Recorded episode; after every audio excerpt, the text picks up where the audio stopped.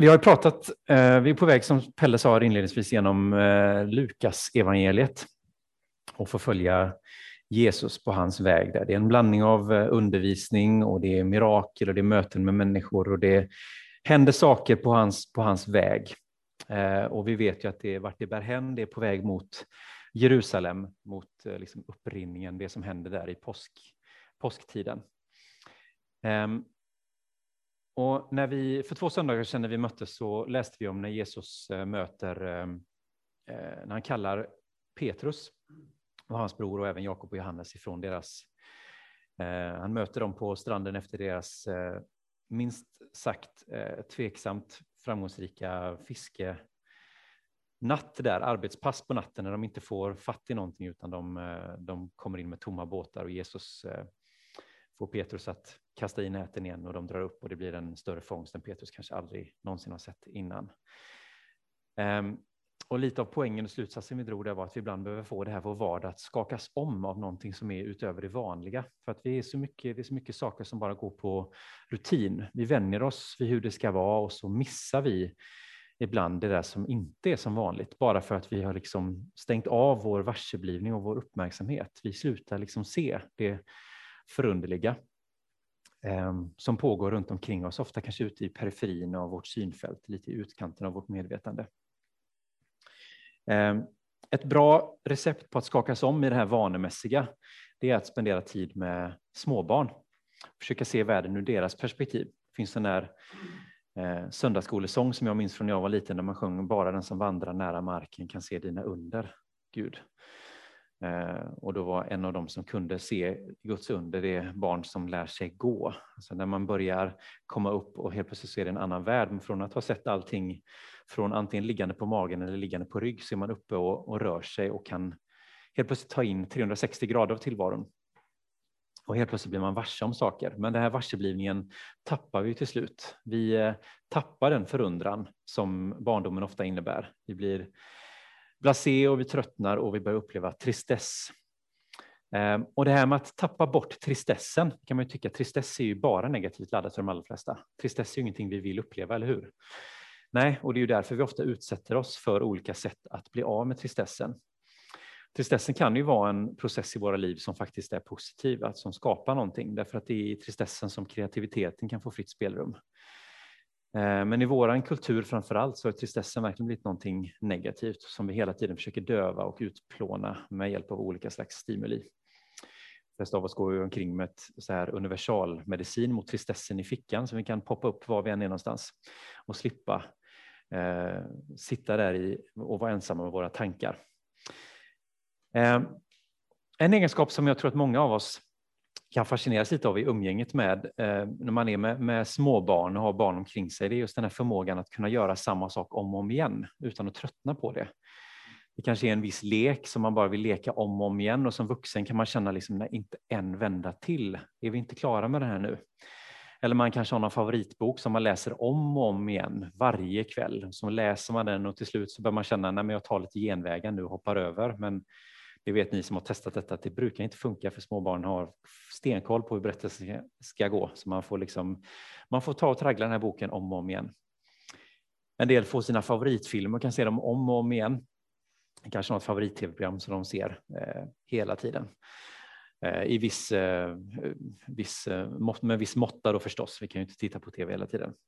Men Eh, Eh, ansvarsfulla föräldrar. Nåväl. När, min, eh, när min dotter Mildred, nu, jag har inte frågat henne om lov om jag får säga detta, men jag, det är ingen pinsam berättelse, utan det är bara en, eh, bara en, en, en anekdot från hennes barndom. När hon var liten så eh, kunde hon se Pippi-filmerna om och om igen. Ni vet Olle Hellboms, de här klassiska med Inger Nilsson i huvudrollen. Eh, och det var liksom, det, alla filmerna var, var jättebra. Tyvärr var Pippi firar jul en av favoriterna allra mest. Man kunde se Pippi bakar, även om det var mitt i sommaren, när hela golvet i Lilla Villekulla är täckt av pepparkaksfigurer och man kände att ja, nu är det ju juli. Ehm, kan man inte titta på något annat då, men det var en av favoriterna. En annan av favoriterna var berättelsen om när Pippi hittar en spunk. Och för den som inte känner till den berättelsen eller som undrar vad är en spunk för någonting så är det just det som allting det här berättelsen handlar om. Det är så att Pippi, hon har kommit på ett helt nytt fantastiskt ord. Det är ett av världens bästa ord. Är det. det är ordet spunk. Problemet är att hon vet inte vad ordet betyder. Hon har bara kommit på ordet, men det har ingen betydelse. Så hon drar med sig Tommy och Annika på äventyr i jakten på betydelsen av det här nya fantastiska ordet. De går till en järnaffär för att Pippi har fått en idé om att det kanske är ett verktyg som används för någonting. Så hon är där och frågar efter en spunk, men det har de ju förstås inte. Med en annan scen så kommer Tommy och Annika insläpandes med Pippi nästan helt livlös till en läkare eftersom Pippi tror att hon kan ha drabbats av spunk som i denna tolkningen är en livsfarlig, om än väldigt ovanlig sjukdom.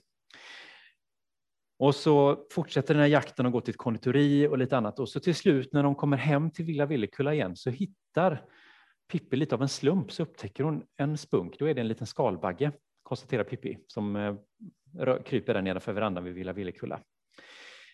Och där konstaterar hon att här har vi den här lilla spunken. Nu har vi hittat den, nu vet vi vad det är.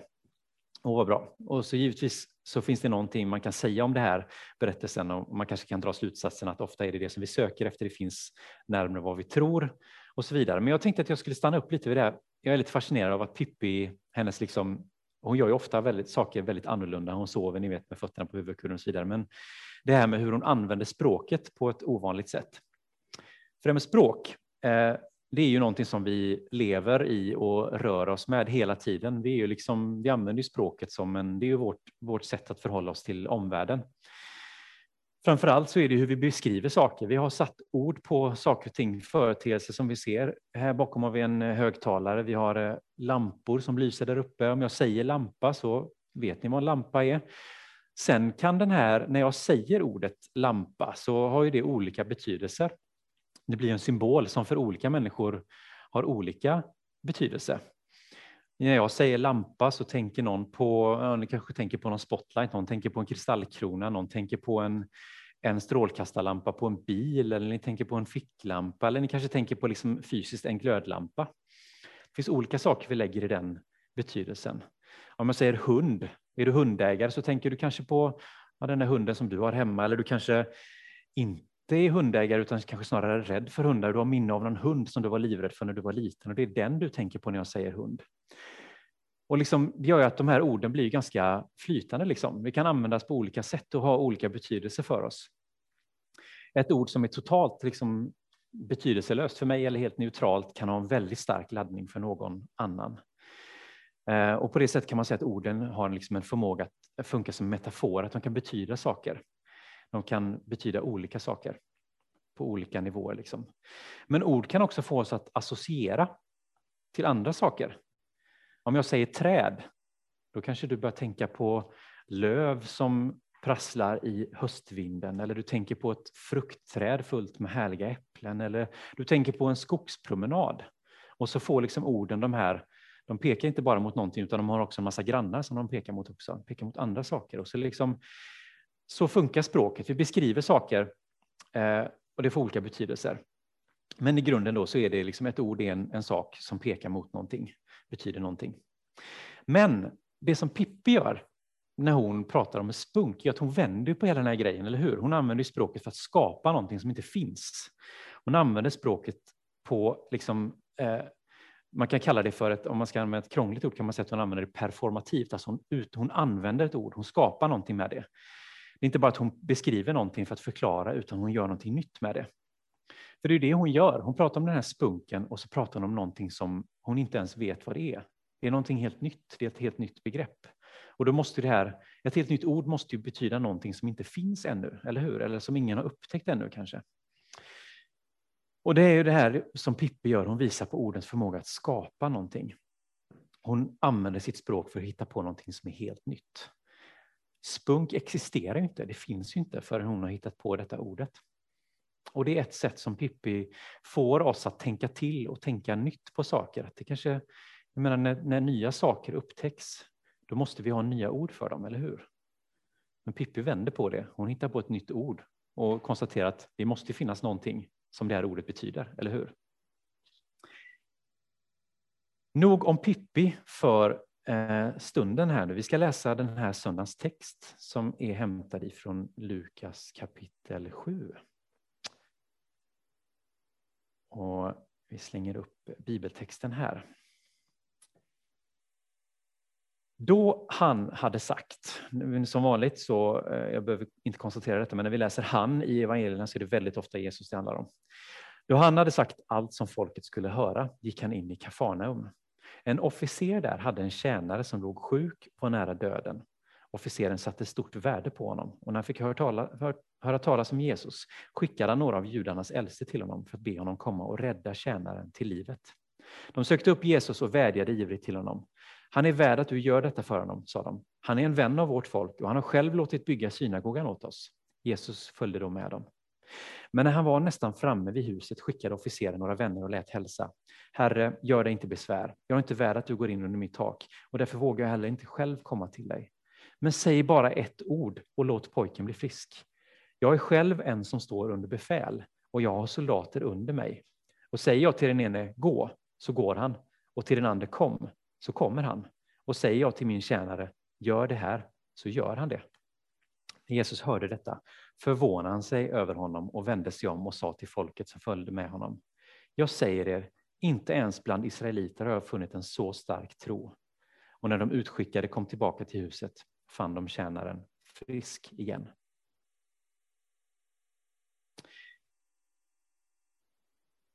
Ja, det här med att ord kan skapa någonting nytt. Lite som Pippi gör med spunken där, att hon hittar en ny, hon skapar någonting nytt med sitt ord.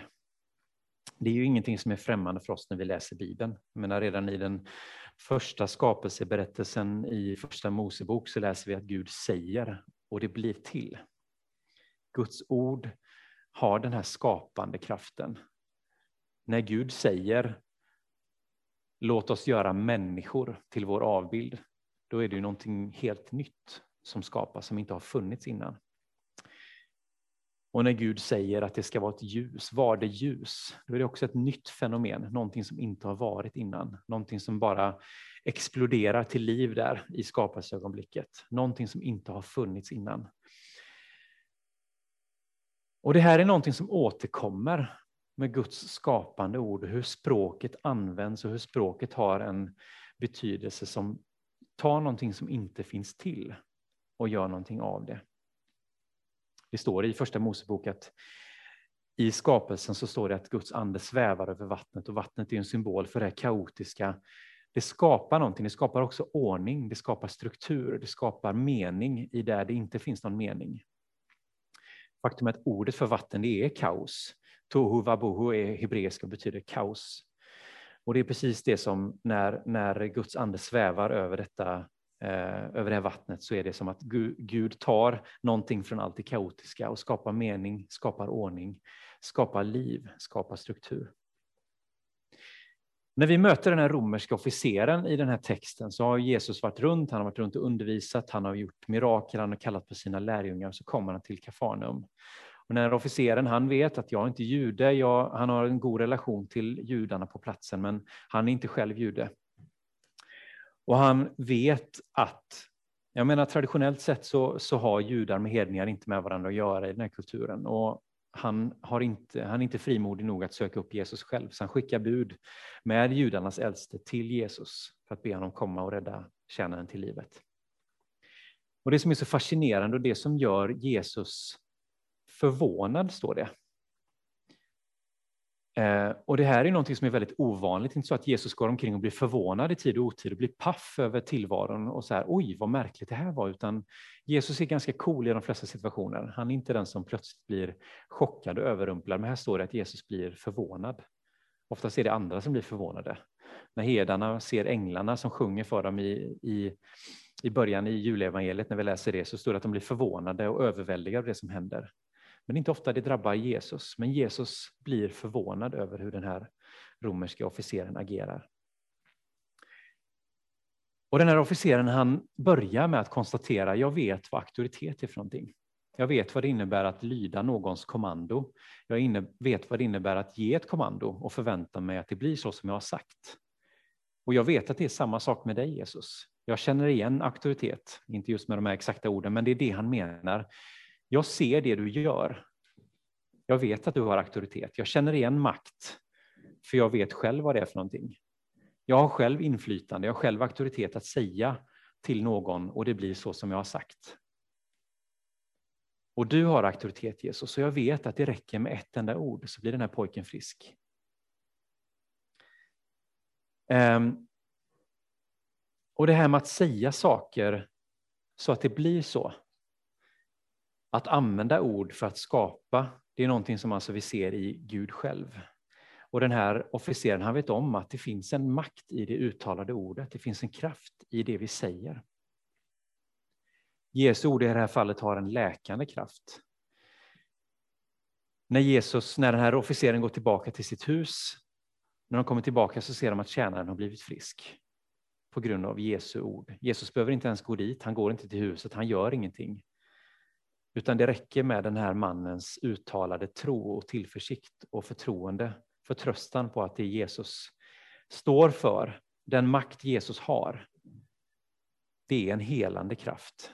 Det är en kraft att vända på situationer. Att tala in i en omöjlig, hopplös situation och se att det omöjliga blir möjligt istället. Och egentligen är det likadant med våra ord, med våra, våra liv, vad vi gör, vad vi säger till varandra. Vi har vishetslitteratur i Bibeln som talar om hur vi ska tala, hur vi ska bete oss, vad vi ska säga, där visdomen hålls upp som ett exempel. Att tala visdom, att tala livgivande ord. Att kloka ord, det är som en väldoft. Kloka ord är som en, någonting välsmakande, det är någonting som skapar liv. Men att ord också har makten att bryta ner, att förstöra, att krossa, att ta liv istället för att ge liv. Och det är vad vi har makten att göra med våra ord. I Jakobs brev så kan vi läsa om det här med tungan som har makt över liv och död. Att kunna tygla den, att kunna säga rätt ord i rätt tid. Och att ibland inte säga något. Vi har ofta en tendens att vilja prata lite för mycket, att kanske ha en åsikt om saker och ting, att tycka och säga och hela tiden kommentera. Men ibland är det klokaste att göra det att inte tala, att inte tala ut ett ord som bryter ner, utan istället välja tystnaden, att hålla igen. Vem låter vi tala in i våra liv? Och vem talar vi till? Som sagt, ord som för mig är fullständigt neutrala, som jag inte tar till mig av, kan för en annan människa på grund av hur man associerar, på grund av hur man tolkar, på grund av vad de olika betydelser som ord kan ha för oss, så kan det bryta ner och förstöra och, och förmedla död och lidande istället för att förmedla liv och uppbyggelse. Skapande ord, helande ord, läkande ord, som att säga förlåt, som att säga jag är stolt över dig. Som att säga jag uppskattar det du gjorde för mig. Eller destruktiva ord som kritiserar. Som säger du är inte önskvärd. Du bidrar inte. Paulus skriver i, i sin redogörelse om där han använder den här liknelsen av, om, om Kristi kropp som en, ja, som en kropp, som församlingen församlingen och, och mänskligheten som en kropp där vi är olika lemmar med olika funktioner, så säger han uttryckligen att en lem kan inte säga till den andra, du behövs inte. Och när vi läser den texten så tänker vi ju enbart kanske på funktionen, att vi alla har något att bidra med. Men jag tror också att Paulus eh, syftar också till, till det här att, att hur lätt det är att säga till någon, att vara kritisk och säga du behövs inte, du bidrar inte, du tillför inte någonting. Vad ska vi med dig till? Du gör ju ingenting. Du är bara en passagerare som åker med. Du är bara med när det går bra. Du är inte med, du drar inte ditt strå till stacken. Du axlar inte bördan, du gör ju ingenting, du bidrar inte. Men att istället använda ord för att lyfta varandra, uppmuntra varandra, visa uppskattning. Ord kostar egentligen ingenting. Det är inte mycket av energiförbrukning som går åt att säga någonting.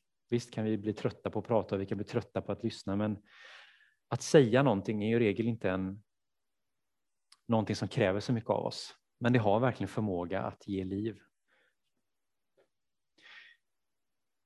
Inom tolvstegsprogrammet och recovery-rörelsen så har man de här tolv stegen då med, med steg man går igenom för att lära sig att hantera och leva med sitt missbruk, vad det nu kan vara. I det nionde steget så står det att eh, det handlar om att bekänna och rätta till, rätta till fel man, man har begått emot andra. Men det finns en liten... Det slutar inte vid det. Det slutar inte bara vid att bekänna och rätta till fel, utan det står att man ska bekänna och rätta till fel, förutom när att göra det skulle innebära att göra mer skada än nytta. Vi kan ibland vara så ivriga med att säga vad vi tycker, vi kan vara så brutalt ärliga att det snarare gör skada istället för att göra nytta. Och det är där visdomen kommer in, att kunna avväga när det är rätt tid att tala, när det är rätt tid att tiga. För att ditt ord och mitt ord, det har makt att lösa människor, att binda människor, det som Jesus pratar om, att lösa och binda. Du kan med dina ord binda en människa för lång tid framöver. Men dina ord har också förmågan att lösa människor från saker som har bundit, som har hållit oss låsta, inneslutna, fast i, i destruktiva tankar eller hållit oss borta ifrån att få blomma ut och leva ut. Så min bön idag och min önskan idag, det är att vi ska få använda de här orden som vi har på ett klokt och vis sätt och använda dem för att lyfta varandra, för att tala tro och uppmuntran till varandra, för att tala möjligheter, tala gott om varandra. Att när den här impulsen att säga någonting illa om någon annan, istället lägga de orden åt sidan och istället säga någonting gott, säga någonting positivt. För att våra ord har den här skapande kraften. Om du säger någonting negativt om någon annan till en person så skapar du en bild av den personen i den människans medvetande som kanske inte är sann. Eller kanske är sann, men den hindrar och förstör och fördärvar en relation som skulle kunnat vara fruktbar, som skulle kunnat vara befriande, som skulle kunna vara livgivande på grund av det du säger. Våra ord har makt, våra ord har kraft. Också orden vi talar till oss själva om du hela tiden säger till dig själv att du är oduglig, om du säger att nej, ingenting kommer hända, ingenting gott kommer hända mig. Nej, Gud kommer inte kunna göra något åt den här situationen. Så bryter vi ner våran tro, vi bryter ner våran förtröstan till Gud. Och vi bryter ner vår egen självbild också i den processen. Så jag önskar och jag ber att eh, vi ska få en större förståelse för hur viktigt vårt språk är, hur viktiga våra ord är, både för oss själva, för andra människor, men också i vår relation till Gud. Vad vi möjliggör och vad vi stänger, vilka dörrar, vilka dörrar vi öppnar och vilka dörrar vi stänger med de ord som vi talar ut. Så ber tillsammans.